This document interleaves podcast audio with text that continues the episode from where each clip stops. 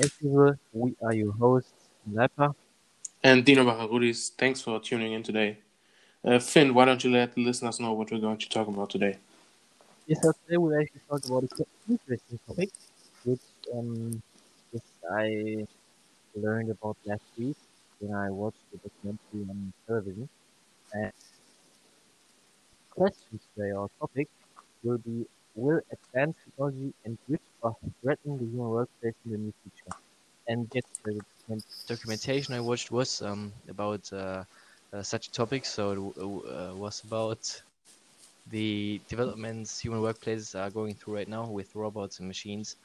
And um, here's what I found quite fascinating. State is already so far developed, and um, this made me ask myself in how far um,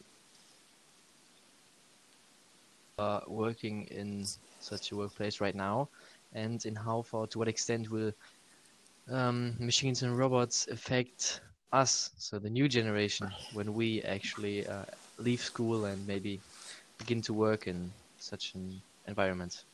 Yeah, uh, so when you told me about the topic that uh, we're going to uh, talk about, I uh, read it through articles online and a few studies, and I saw one that claimed that robots could take over 20 million manufacturing jobs until 2030. Really? Yes, uh, I've seen that. Um, I think that is very um, bad, a bad thing Mm-hmm. for our uh, Yes. environment or community or everything because many people would just lose their jobs. For example, we see that already with uh, checkout cashiers at supermarkets. Mm-hmm. You've probably seen that. Yes. And um, yeah, I don't know. I don't. I don't think that it will have a good effect on the upcoming generations that will not do the job that uh, that they want to do. Maybe they want to get become a cashier, and uh, they won't be able to do that because uh, robots or in that uh, specific part, uh, just science and technology took over it. Yes, after that, because like who wants to become a cashier in today's Nah, time? Man, yes, I know, I know. I get where you're coming from. Yeah, And okay. um like these machines or like when a human is replaced, I think there are two sides of the story. One is that um you would agree that these machines are more efficient than us humans, right? Yes, of course. The hu- uh, the humans are not really as intelligent as AI really is, Mhm, and it mhm. just way more efficient. Yeah, so the I think the good side of the story would be that like these business owners or, or companies they would be pretty happy to not pay their monthly salary to the worker, but to have a, a AI doing the job more efficient and they have a higher outcome uh, at the end of the month, right? Yeah, that that is a pretty positive point uh, that you talk about there. But if we look at like big companies, like for example, like Amazon or something like that, Mm-hmm. They still have human workers that look over the machines or pack uh, up things themselves, because I think that it is too risky to only use machines uh, in such big companies like that. Because if they shut down or there's a software error or something like that, the company would shut down fully, and for uh, if it happens for a long period of time, it would be devastating for them So and their income. yes, there's a higher risk, but also like um, a high reward, right? Yeah, that, that's a good sentence to wrap that up. To be honest. Yes, and um, maybe uh, like these machines don't like commit mistakes, but humans do. But then, on the other hand, like what you said was like most like likely yeah most likely there will probably have to be maintenance Mhm, of the of the robot. that would be quite expensive, right? yeah it would be it would be high uh, cost of production Mhm. and maybe sometimes if there are batteries in use for robots or something like that it would also be not uh, as environmental friendly That's true. Like yeah, it's uh, another topic, but like yeah, the production of these battery uh, batteries, like also in ev- ev- everyone loves it right now, but yes, i think that it will be uh, very uh, disappointing for many people in the future when they see Mhm. what they did to the environment Yes. just just for But that's maybe another topic for another week. Yeah. And um, another thing I want to talk about, or we want to talk about, of course, um, that I want to. I, I told you this uh, um, over the course of the week um, was Yes. that um, there's also what I saw was or yes uh, the military is also going through some change right now over the course of the last years.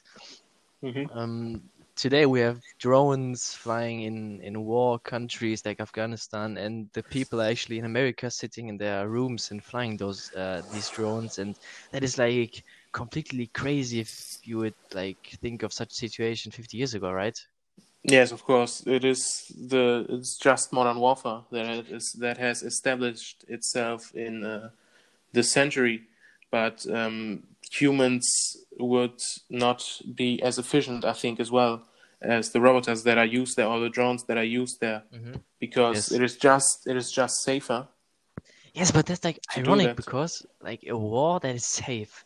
Isn't that like a very ironic sentence? It is, it is, and yeah, maybe it's not that safe either. If like Yes. there's if there's any hackers or something, some people like that that are uh, that know a lot of, about these robots, they could make it very dangerous for the country uh, for the country that is sending them. Mm, that could like result in catastrophes, like complete Yes. catastrophes when when a country takes over the whole um like uh, technological complex of a military of one of another country. Like imagine the outcome of that.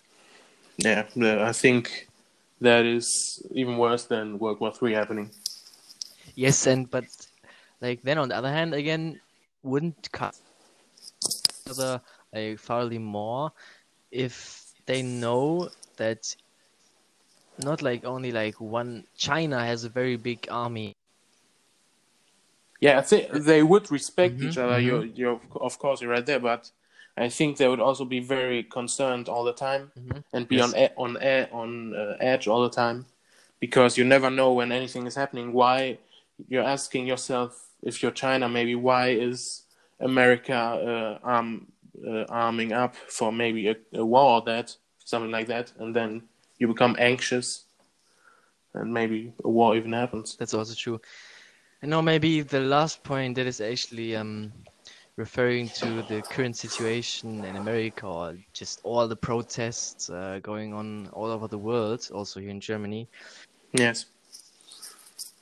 For example, now I will say police officers because you can't say the police. It's not everyone, but there are police officers out there that have ra- Certain. racial, yeah, certain uh, that have racial motives and then harm or like injure or even kill uh, minorities in a country.